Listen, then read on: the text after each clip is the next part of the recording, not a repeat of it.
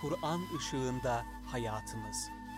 Hazırlayan ve sunan Profesör Doktor Ömer Çelik. Profesör Doktor Ömer Çelik'le Kur'an ışığında hayatımız başlıyor.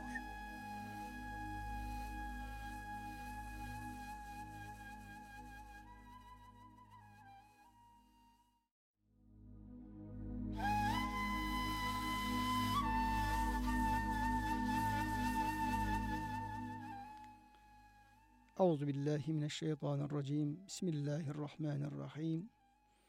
Elhamdülillahi rabbil alamin. Ves salatu vesselam ala rasulina Muhammedin ve ala alihi ve sahbihi ecmaîn.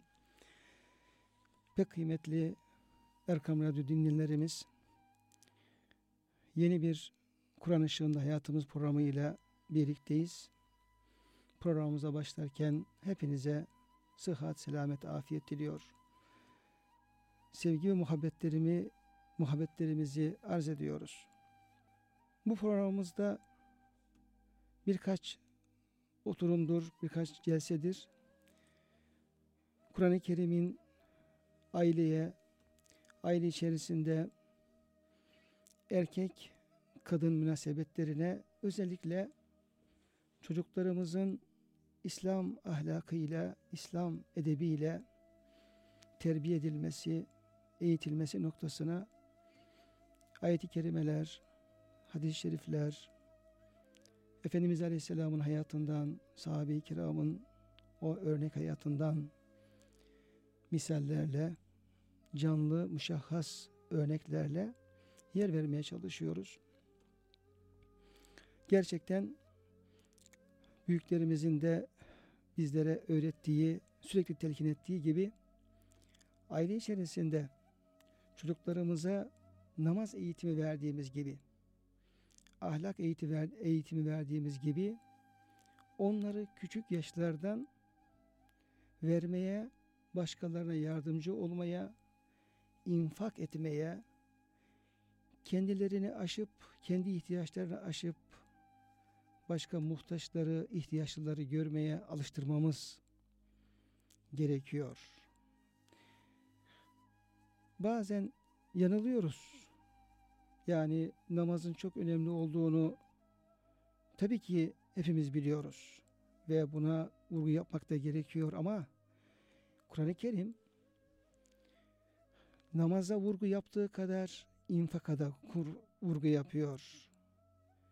Yaklaşık 27 ayet-i kerimede ve akimus salate ve atuz zekah namazı kılınız zekatı veriniz. Ve enfiku infak ediniz. Veya yunfikun onlar infak ederler.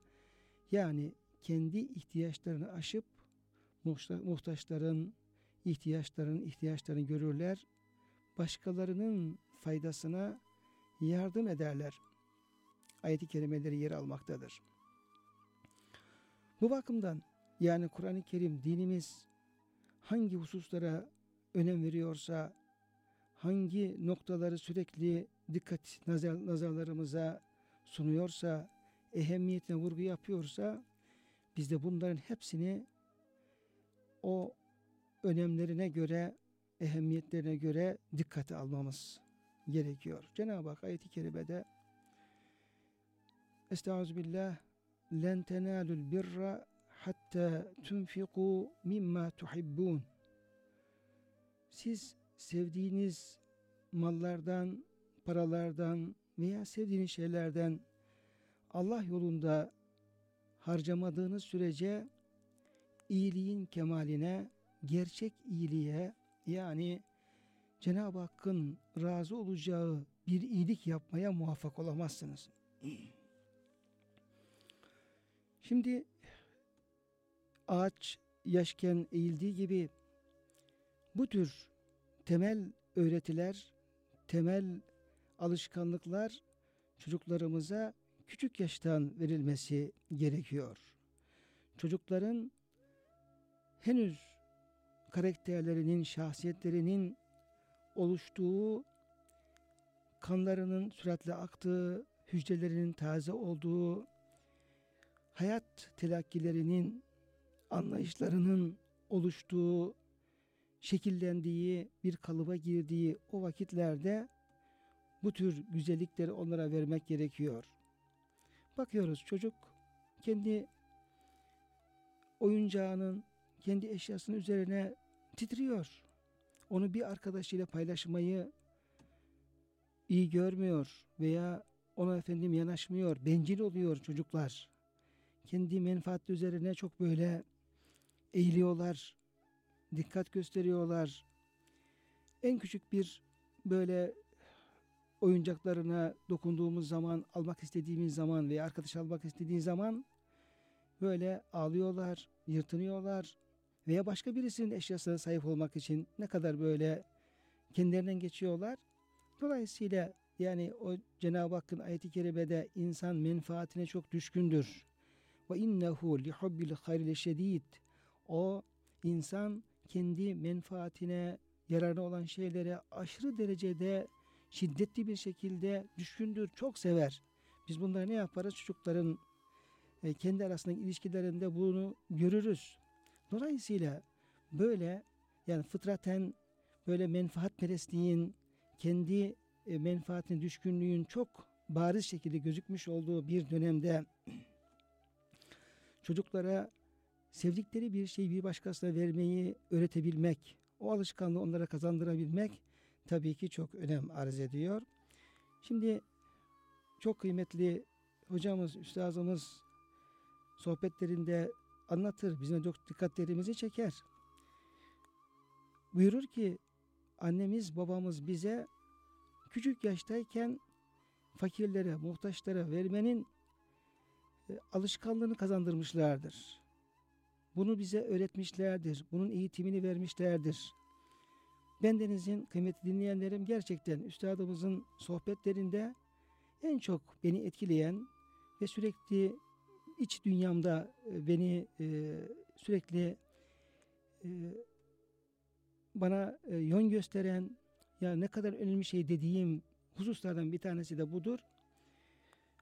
Mesela hocamız arz ediyor diyor ki çocukluk yıllarımızda rahmetli babam Musa Efendi bizi camilere götürür. O camiler hakkında bilgi verir. Elimize bir miktar para vererek oradaki ihtiyaç sahiplerini dağıttırırdı. Yani bir 8-10 yaşındaki çocuk aslında almış olduğu harçlığı cebine koymak ister. Kendisinin olmasını ister. Onunla oyuncak almak ister. Sevdiği bir şey alıp yemek ister. Ama öyle değil. Evladım bunu alacaksın. Etrafta fakir fukara var mı yok mu, muhtaç var mı yok mu onları göreceksin. Onları tespit edeceksin. Varlığından haberdar, farkında olacaksın, haberdar olacaksın. Sonra da götürüp ona o parayı vereceksin. O muhtacın Allah razı olsun evladım duasına e, nail olacaksın. O duayı gördüğün zaman onun gözünün içerisindeki kendine yardım edilmenin vermiş olduğu mutluluğu gözlerine okuduğun zaman duasındaki sıcaklığı hissettiğin zaman mutlu olacaksın ve daha sonra da e, keşke elimde para olsa da yine bir fakir bulsam ona versem tarzında bu duyguyu yaşayacaksın. Yine kıymetli üstazımızın arz ettiği üzere şöyle buyuruyor. Rahmetli annem leziz yemekler yapar, kapalı kaplar, e, kaplarla elimize verir, hasta olan komşularımıza gönderirdi. Biz de o yemekleri götürür, hastaların duasını alır ve çok sevinirdik. Öyle ki bir daha götürüp dua almayı ve o manevi sevinci tekrar yaşamayı isterdik. Yani çocuk aslında o götürmüş olduğu yemeği kendisi yemek istiyor. Belki o anne, o aile kendi evlerinde çocuklarına e, yedirmedikleri belki daha kıymetli şeyleri hani ayet-i kerimede arz etmiştim sohbetin başında len tenalul birra hatta tunfiku mimma tuhibbun siz sevdiğiniz şeylerden başkaları için, muhtaçları için vermediğiniz sürece Cenab-ı Hakk'ın razı olacağı böyle çok güzel bir iyilik yapmış olmazsınız. Hayrın kemaline, iyiliğin kemaline ulaşamazsınız. Ayet-i kerimesinin bir tatbiki olarak bir tatbiki olarak ne yapıyor o anneler babalar? Belki evde çocuklarına yapmadıkları, onlara yedirmedikleri daha kaliteli güzel yemekleri pişiriyorlar. Onları küçük yaşta yemeği çok seven, ya bulsam da yesem, açsam yesem diye düşünen yavrularına bu yemeği veriyorlar ve onu götürüp bir fakire vermenin eğitimini yaptırıyorlar. Zaten eğitim, terbiye böyle yumuşaklıkla olmaz. Orada biraz insanın nefsini etkileyen, nefsini yoran, ona ağır gelen, belki sabretmesini gerektiren, belki fedakarlık yaptırmasını gereken yönleri vardır terbiyenin. Yani yumuşaklık tarafı vardır ama sert tarafı vardır. Yaptırıcı yönü vardır, etkileyici yönü vardır, yönlendirici yönü vardır. Burada bunları ne yapıyoruz? Görüyoruz. Ama bir 7 yaşında, 8 yaşında fakirin duasını almanın veya bir muhtacın duasını alıp o sevinci yaşamanın, o muhtacın gözündeki o mutluluğu hissederek tekrar ben onu yaşatabilsem, bir gönül alabilsem, bir gönül ferahlandırabilsem, kalp yapabilsem diye o duyguyu o genç yaşta yavrunun kalbine yerleştirebilmek o tabii çok önemli bir durum arz ediyor ve gerçekten biz anne babalara, ailelere bu noktada çok büyük sorumluluklar düşüyor. Bunu yapabilmeliyiz. Yani eğer bir fakire bir şey verilecekse mümkünse onu evladımız eliyle verdirmeye çalışmamız lazım.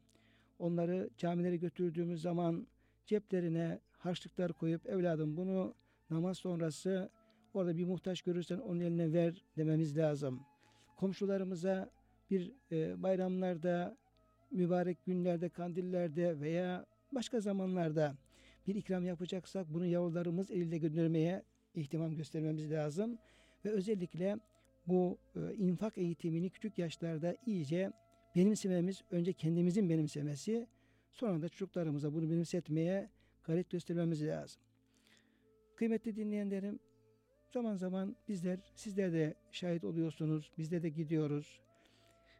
Haremeyne gittiğimiz zaman Mekke'ye, Medine'ye, Ramazan iftar sofralarına şahit olduğumuz zaman orada yine hepimizin dikkatini çeken bazı manzaralar söz konusudur. Sizin de dikkatinizi çekmiştir, bakarız.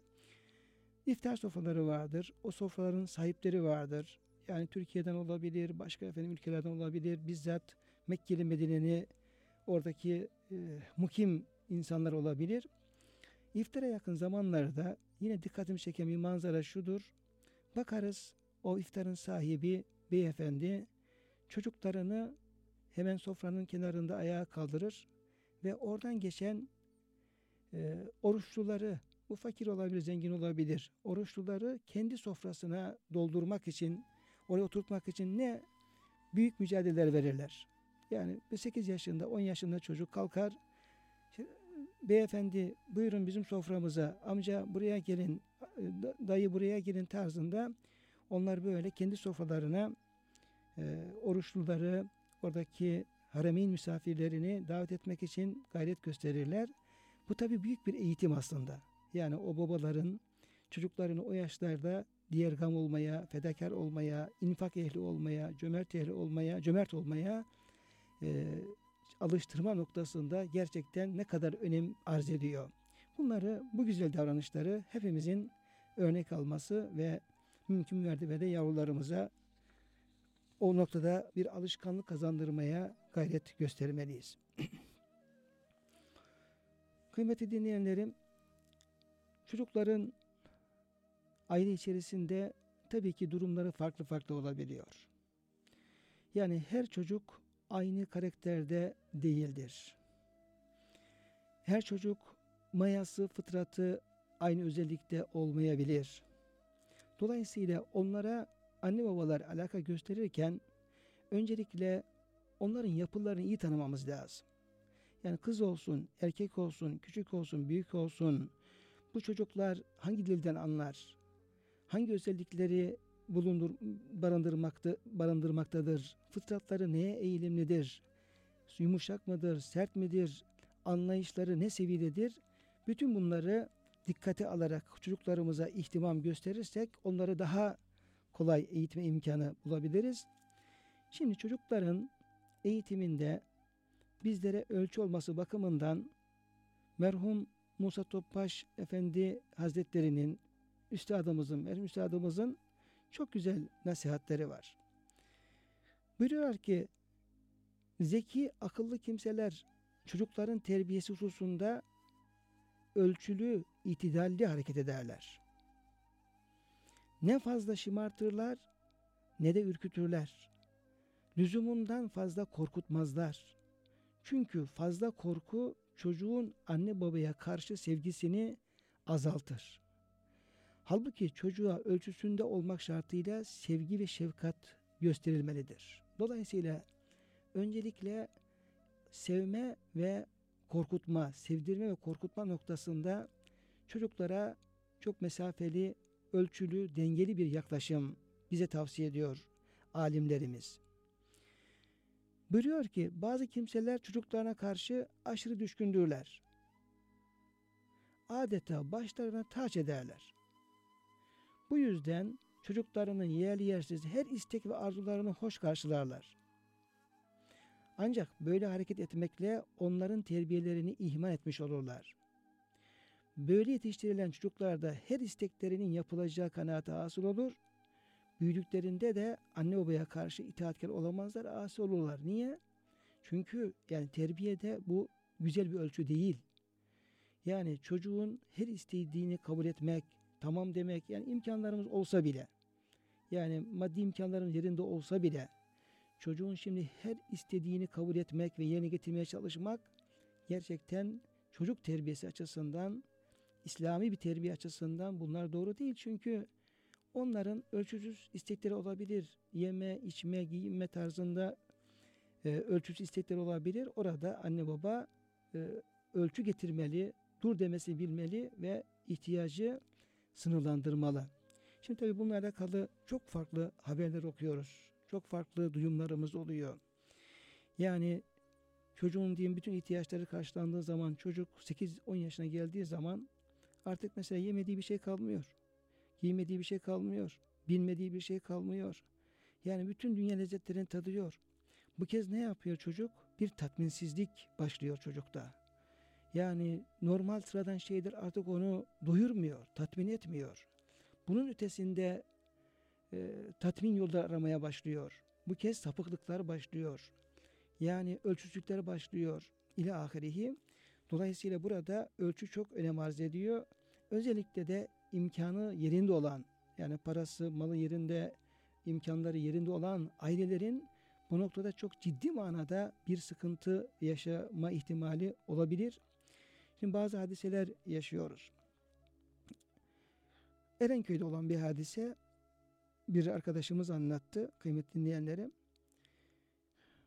Baba kızına diyor ki evladım diyor işte sen üniversiteyi kazanırsan ben sana diyor şöyle bir araba alacağım diyor.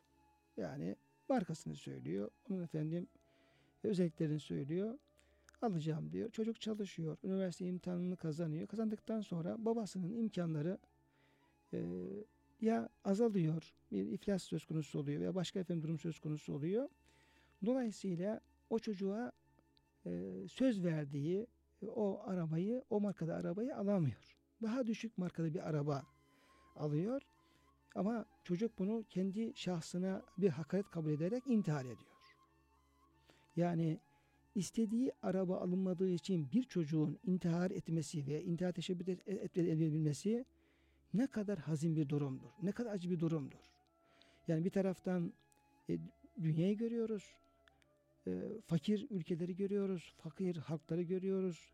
Açlıktan ölen insanları görüyoruz. Su, su bulamayan, normal içebileceği temiz su bulamayan milyonları, milyarları görüyoruz. Afrika'yı görüyoruz. Fakir ülkeleri görüyoruz. Onların efendim ne kadar medyada, haberlerde her gün aşina oluyoruz. Yani böyle bir manzaralar söz konusu iken bir çocuğun istediği kalitede, istediği markada araba alınmadı diye efendim bu yola girmesi nasıl bir tatminsizlik anaforunda yavrularımızın savrulduğunu görüyoruz. Yine bir e, psikiyatri e, bir hocamız kendi ailesinde yaşamış olduğu bir durumu e, bize anlatmıştı. Şöyle anlatıyor. Şahit olmuştuk, duymuştuk. Diyor ki benim diyor bir kızım vardı diyor. tabi maddi imkanlarımız yerinde olduğu için çocuğumuza elimizden geldiği kadar yemesi, içmesi, giyinmesi o noktalarda olabilecek en güzelini vermeye çalıştık. En güzelini yedirmeye çalıştık. En güzelini gidirmeye çalıştık. En güzel okullarda okutmaya çalıştık. Kolejlerde, en seçkin okullarda. Fakat bütün bunlar çocuğumuzda yani böyle tarifi imkansız bir tatminsizlik oluşturdu. Bir mutsuzluk oluşturdu. Ve sürekli böyle hayattan şikayet eden, hiçbir şeyle e, tatmin olmayan, huzur duymayan böyle çok farklı bir çocuk karşımıza çıkıverdi. 18 yaşlarında, 17-18 yaşlarında ve artık dünyevi maddi hiçbir şey çocuğu mutlu etmez hale geldi.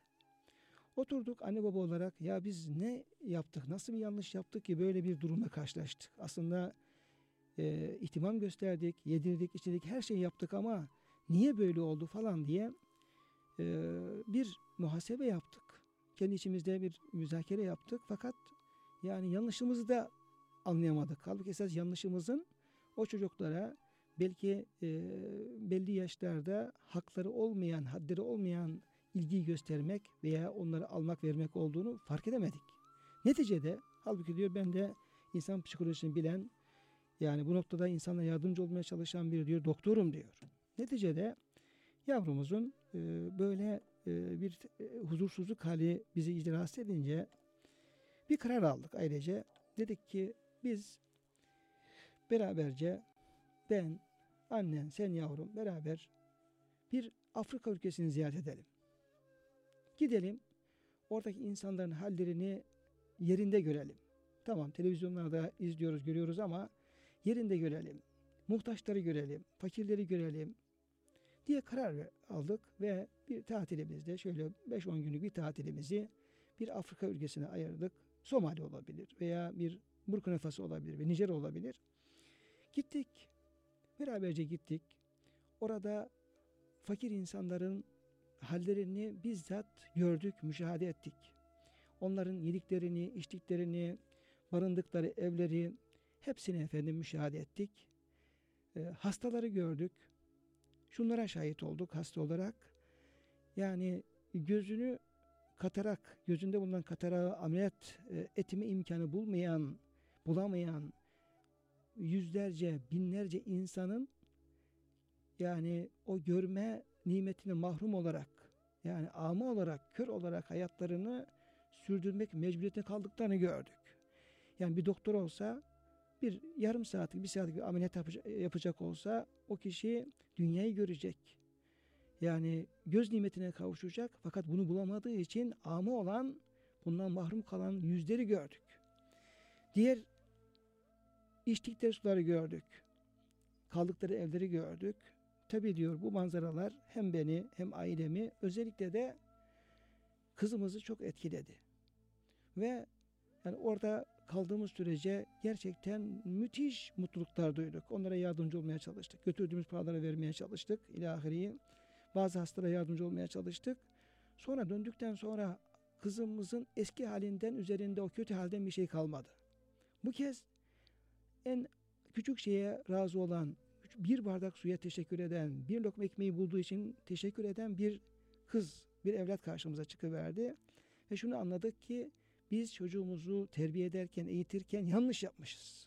Yani okumuş insanlarız, profesör olmuşuz, belki psikoloji uzmanı olmuşuz falan ama yani e, çocuğumuzu eğitirken bu bildiklerimizi uygulamada çok yanlış yapmışız, eksik davranmışız. Bunu fark ettik ve böyle bir ziyaret yavrumuzu tekrar hayata kazandırdı, kavuşturdu ve karar aldı. Ben dedi bundan sonra bir e, gönüllü olarak fakir insanlara yardımcı olacağım. Afrika'daki insana yardımcı olacağım ve onlarla ilgili bütün e, sivil toplum kuruluşlarına, organizelere katılacağım diye öyle karar verdi ve ondan sonra da bu şekilde devam ediyoruz demişti. Dolayısıyla burada büyüklerimizin bize tavsiye ettiği bu özellikler ne kadar önemli. Eğer diyor çocuğunuza diyor yerli yersiz diyor her şeyi alırsanız onlara verirseniz iyilik yaptığını sanırsınız ama onları bir tatminsizliğe e, alıştırırsınız ve sonra da asi olurlar. Onları engelleyecek bir e, imkan bulamazsınız e, buyuruyor. Bazıları da aşırı baskı yapan çocuklar üzerine azıcık olsun hürriyet vermezler. Zaruret halinde bile konuşmasına müsaade etmezler. Böyle olunca da zahiren çocuk itaatkar görünse de bazen bu hal onu İslam ve karşı gelmeye kadar sevk eder. Bu da yine çocuklara ilgide e, orta yol tutabilme, itidal olabilme noktasında gerçekten çok önemli ölçüler. Kıymetli dinleyenlerim, çocuğun aile içerisinde karakterine göre eğitimine kaldığımız yerden devam edeceğiz kısa bir aradan sonra.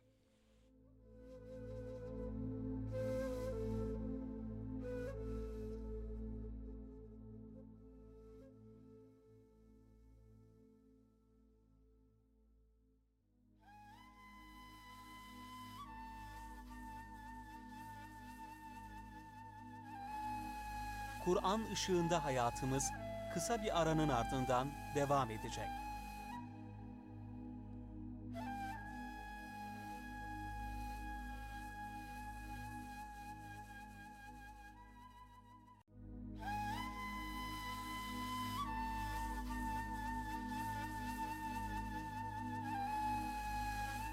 Kur'an ışığında hayatımız devam ediyor.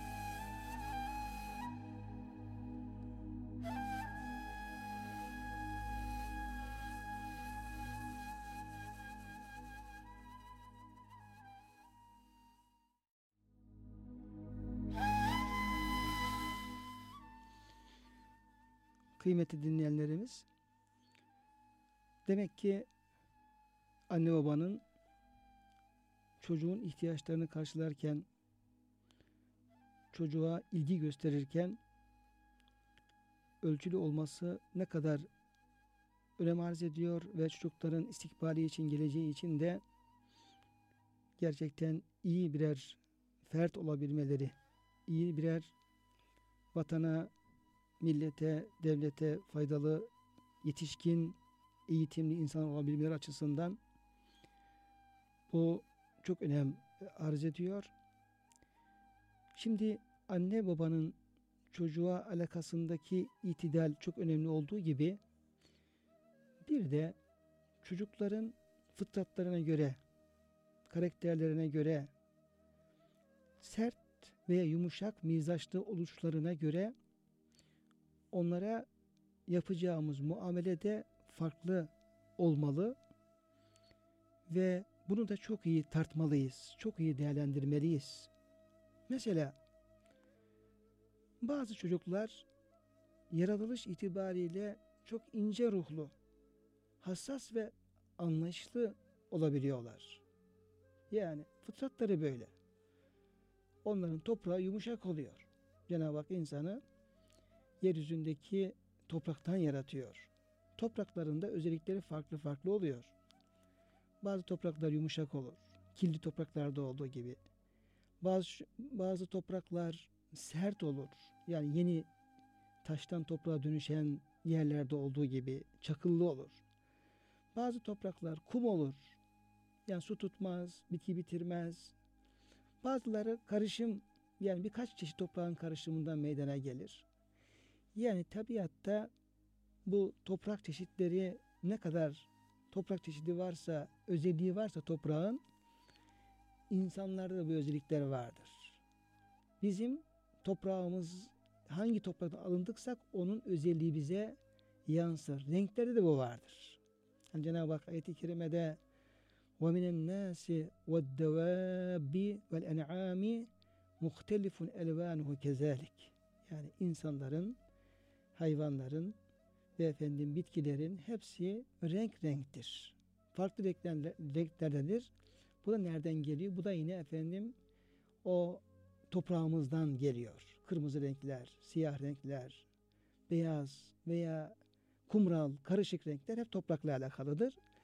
Aslında insan fıtratının farklı oluşu da yine o toprağıyla alakası vardır.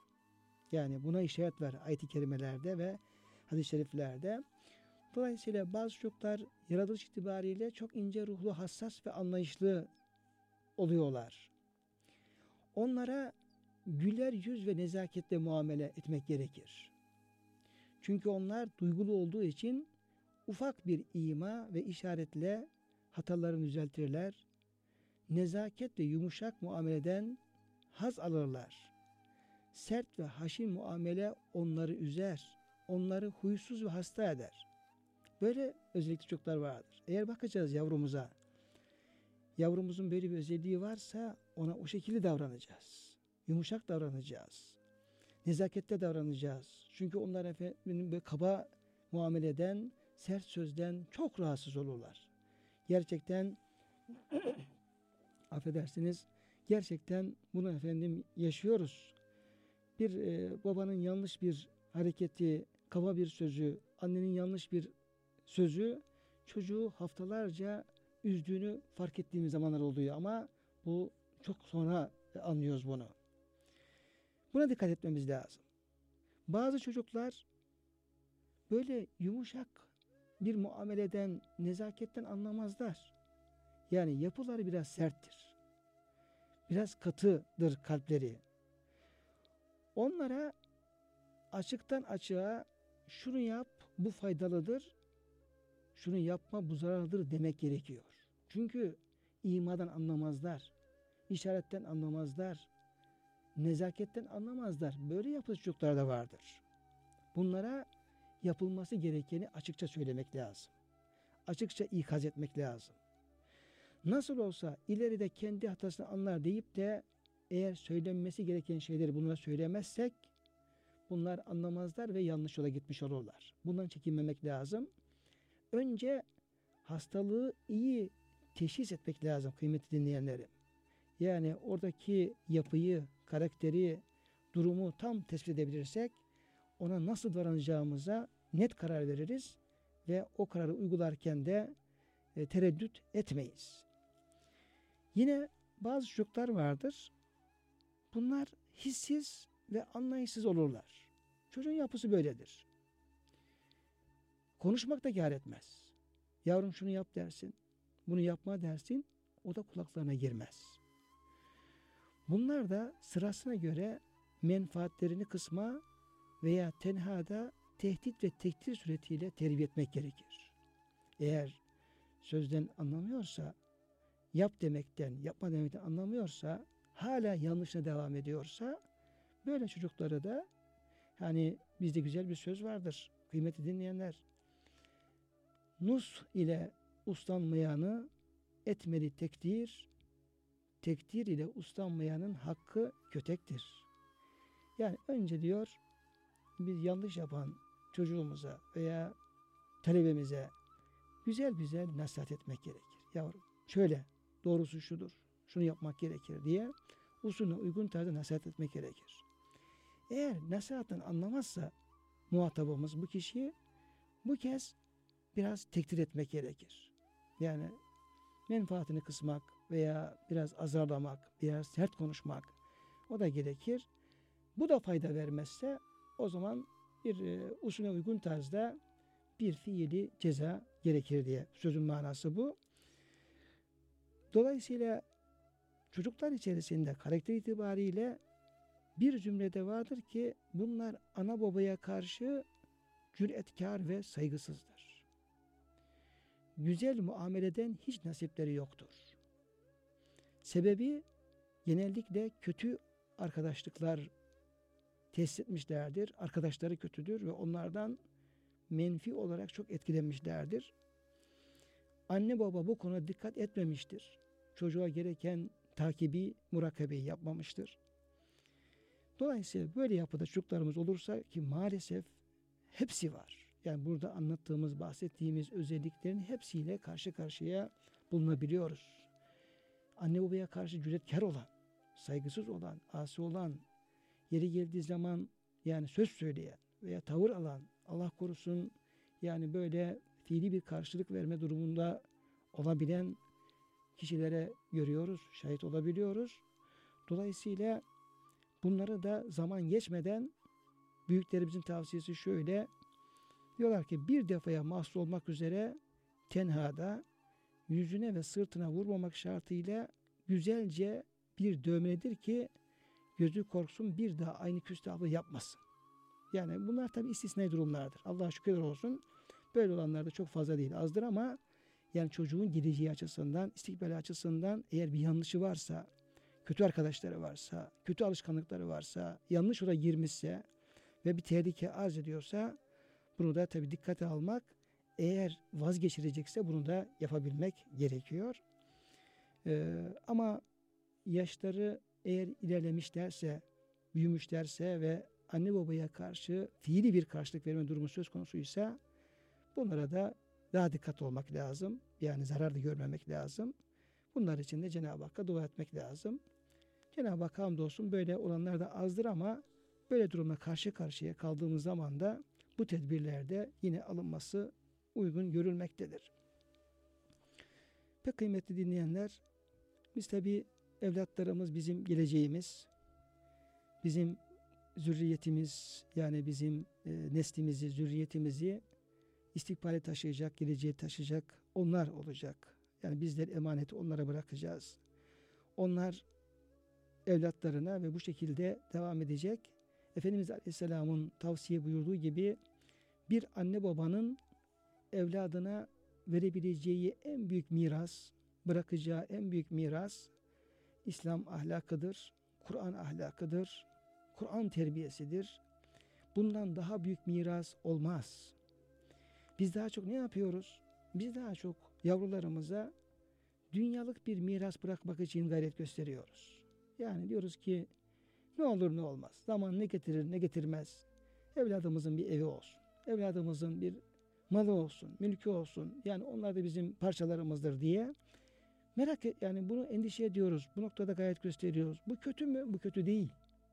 Yani helalin olmak şartıyla bir insan ailesini, evlatlarını ne kadar düşünse, ihtimam gösterse helal olmak şartıyla bu İslam'da yasak değildir. Haram da değildir. Zemmedilmiş de değildir. Yani takdir edilir. Çünkü Efendimizin beyanıyla el mu'minul kaviyyu hayrun minel mümini daifi. Yani kuvvetli mümin, maddeten, manen, kuvvetli mümin, kuvvetli aileler, zayıf, muhtaç insanlardan, müminlerden daha faydalıdır, daha hayırlıdır. Onlardan zarar gelmez, fayda gelir. Fakat maddi anlamda bu gösterdiğimiz ihtimamı eğer manevi anlamda göstermezsek bunun kıymeti yoktur. Yani onlar bu emanete ya sahip çıkarlar ya çıkmazlar. Ya bu mirası güzel bir şekilde hayra kullanırlar veya kurma, kullanmazlar. Ama onlara biz manevi miras bıraktığımız zaman, İslam ahlakını, İslam terbiyesini bıraktığımız zaman bununla beraber bıraktığımız maddi miraslar da onlar da e, iyi yolda kullanacaktır. Onlar da yanlış yollarda kullanılmayacaktır. Dolayısıyla İslam ahlakıyla beraber bırakacağımız her türlü miras Allah'ın izniyle hayra yönlendirilecektir. Ama İslam ahlakı olmadan, İslam terbiyesi olmadan bırakacağımız mirasların onların hayra harcanması, hayra yönlendirilmesi o çok zor gözüküyor. Bu bakımdan pek kıymetli dinleyenler evlatlarımızın istikbaliyle alakalı planlar yaparken endişelerimizi muhasebesini yaparken bunları daha çok dünyadan ziyade ahirete hazırlamak ve manevi yönden onları geliştirmek, terbiye etmek buna çok büyük ihtiyacımız var. Esad, Esad Erbili Kudüs'e Ruh Hazretleri eserlerinde bu evlatlarımızın manevi geleceği, istikbal ilgili olarak bizlere çok güzel tavsiyelerde bulunuyor. Buyuruyor ki, akıl ve irfanıyla diğer yaratıklardan ayrılan insan arasında bir fert var mıdır ki ikbal sahibi olmayı arzu etmesin, istikbalini temine gayret etmez. Herkes, her insan geleceğini düşünür, gelecekte ikbal sahibi olmak ister, istikbalini temin etmek ister ve daha güzel günlere ulaşmak ister.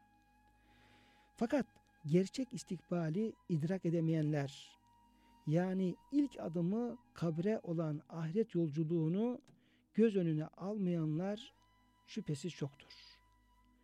Dolayısıyla ben diyor bu gibi kardeşlerimden diyor bazı hususları istirham ediyorum. Onlara şu öğütlere kulak asmalarını istiyorum. Yani geleceği dünyadan ibaret görmesinler. 3-5 yıllık, 3-5 günlük dünya ibaret görmesinler esas istikbalden, gelecekten mahrum kalmasınlar. Buyuruyor ki en fazla yaş hududu 100 seneyi bile geçmeyen dünya hayatı ile sonsuzluğu tasavvur olunamayan ahiret hayatını karşılaştırarak ehemmiyet derecelerini mukayese buyursunlar. Yani biz diyelim ki evladımız okusun, işte dünyasını kazansın, maaşı olsun, parası olsun, tamam bunlar olsun ama eğer biz sadece bununla sınır tutar da sonsuz bir hayat olan ahireti dikkate almazsak o zaman onlara çok büyük bir haksızlık yapmış oluruz. Şimdi dünya huzurunun ve maddi ihtiyaçların ancak can ve malı cömertçe bezlederek temin edildiği herkes tarafından makbuldür. Yani insan dünyayı nasıl kazanır?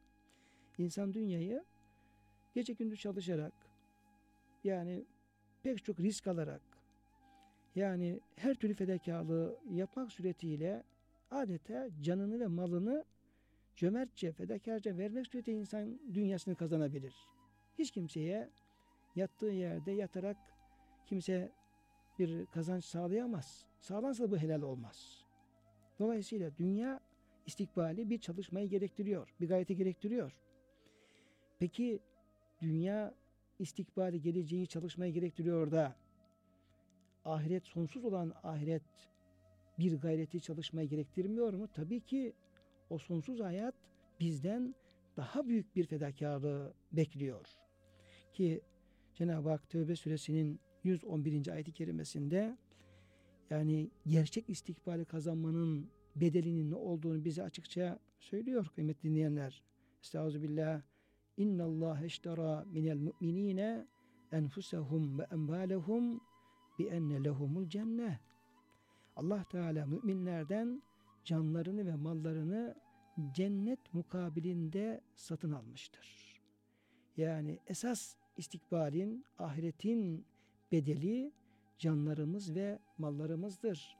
Bunların helal yoldan kazanılması ve yine Cenab-ı Hakk'ın yolu, dini yolunda, dini yolunda, peygamberinin yolunda bunların cömertçe bezledilmesi, cömertçe harcanması, infak edilmesi bunun karşılığı budur.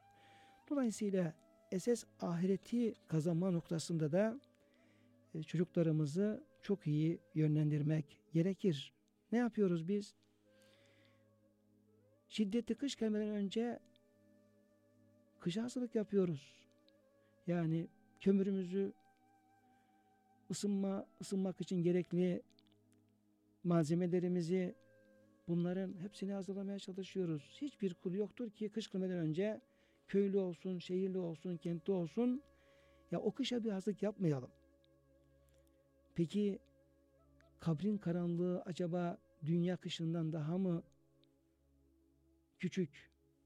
Mahşerin şiddeti acaba dünya karanlığından, dünya kışından, dünya zorluklarından daha mı az? Cehennemin azabı acaba dünyadaki bir sıkıntıyla bunu kıyaslamak mümkün mü? Tabii ki değil. Dolayısıyla yani bir geleceği için, kış için veya tabii ihtiyaçları için bu kadar endişe eden, hazırlık yapan bir insanın ne kadar kalacağı belli olmayan uzun bir kabir hayatı, ne, nasıl bir durumla karşılaşacağını bilmediği bir mahşer meydanı ve Allah muhafaza eylesin düştüğümüz zaman ne hallerle karşılaşacağımızı çok iyi bildiğimiz cehennem ızdırabı, azabı karşısında duyarsız kalmak tabii ki doğru bir şey değil. Bu imana da uygun, muvafık bir şey değil. Onun için bütün gücümüz yettiği kadar özellikle kabre, mahşere ve ahirete hazırlık bizim için çok önem arz ediyor. Bu da ancak ciddi bir iman ve e, ciddi bir ahiret muhasebesi ve tefekkürüyle gerçekleşebilir kıymetli kardeşlerim. Ahirete hazırlıkla ilgili olarak Efendimiz Aleyhisselam'ın örnek hayatı ve o oradan vereceğimiz Hazreti Fatıma validemizle ilgili örnek, misal ne kadar dikkat çekicidir.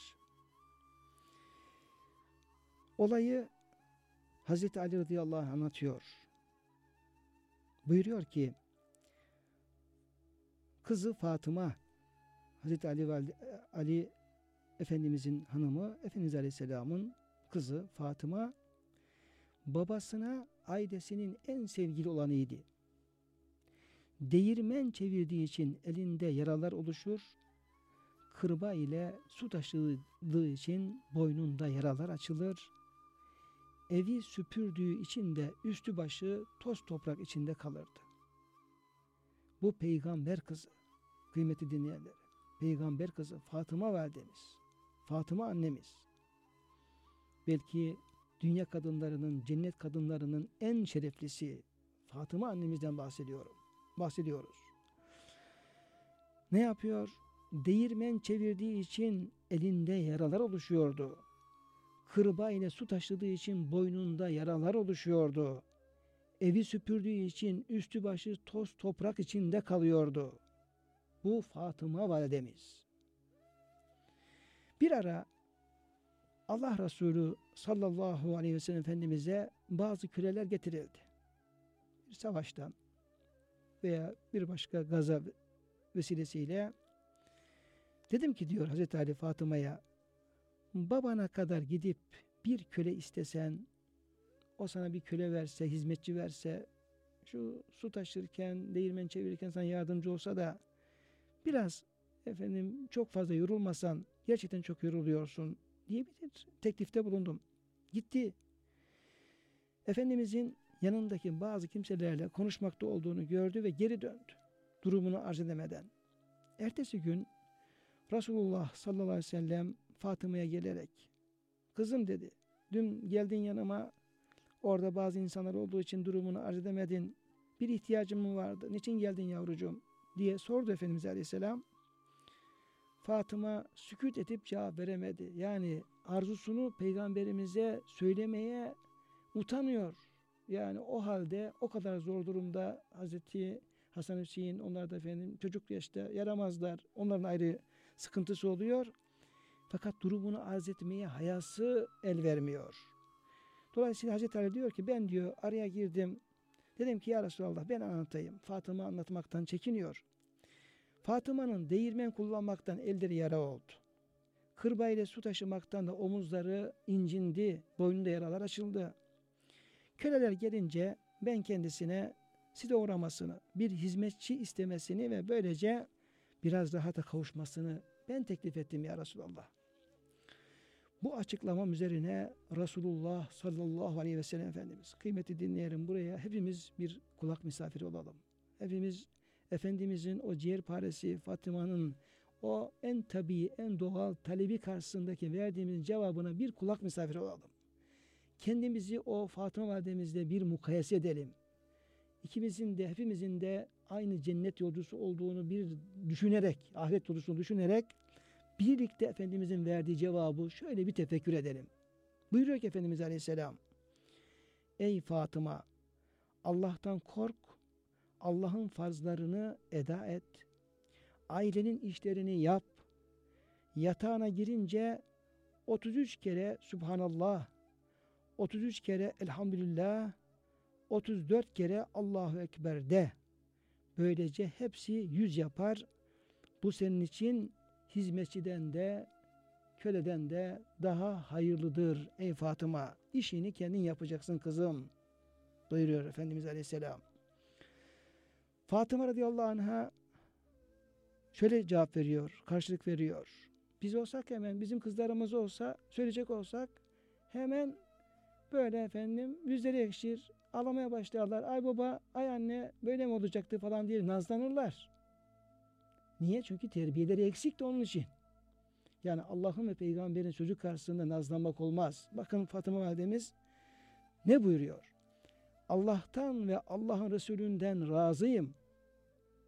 Ya Rab, Ya Resulallah bana ne dersen ben onu yapmaya razıyım. İncinmem. Ve Resulullah Efendimiz Aleyhisselam ona hizmetçi vermedi. Bu Ebu Davud'da, Buhari'de geçen rivayetler, sağlam rivayetler bunlar. Diğer bir rivayette sevgili peygamberimiz şunları da söylemiştir Fatıma validemize. Vallahi kızım Fatıma, vallahi ehli suffe açlıktan midelerine taş bağlarken ben de onlara sarf edecek bir şey bulamazken sana hizmetçi veremem. Bunları satacağım ve gelirini o fakir fukaraya, ehli sufeye harcayacağım. Harcayacağım.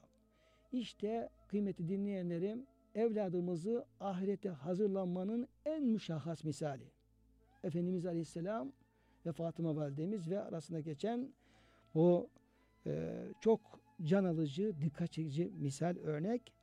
Bir e, Efendimizin tavsiyesiyle inşallah bugünkü konuşmamızı ve size beraberliğimizi sona erdirmek istiyorum.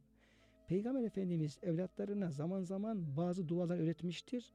Bunlardan kızı Fatma'ya sabah akşam okumasını tavsiye ettiği şu dua, ebedi hayat kaygısı taşıyan insanların Allah'a nasıl sığınmaları gerektiğini göstermektedir. Dua şöyle, Ya Hayyu Ya Kayyum, bi rahmetike estağiz, aslih li şe'ani kulli, aslih li şe'ani kulle, ve la tekilni ila nefsi tarfete aynin. Ey hay ve kayyum olan Allah'ım, senin rahmetine iltica ediyor ve senden yardım diliyorum. Benim bütün işlerimi düzelt ve, ve beni bir an bile olsa nefsini baş başa bırakma. Kıymetli dinleyenlerim, işte Efendimizin bu tavsiyelerini dikkate alarak, hep Allah'a sığınarak evlatlarımıza da güzel model bir anne, anne baba örnek olacak bir anne baba olmaya gayret gösterelim ve esas da onları ebedi istikbali ahiret hazırlanmaya çok dikkatli olalım. Hepinize sevgilerimi, saygılarımı, muhabbetimi arz ediyor. Allah'a emanet olunuz diyorum.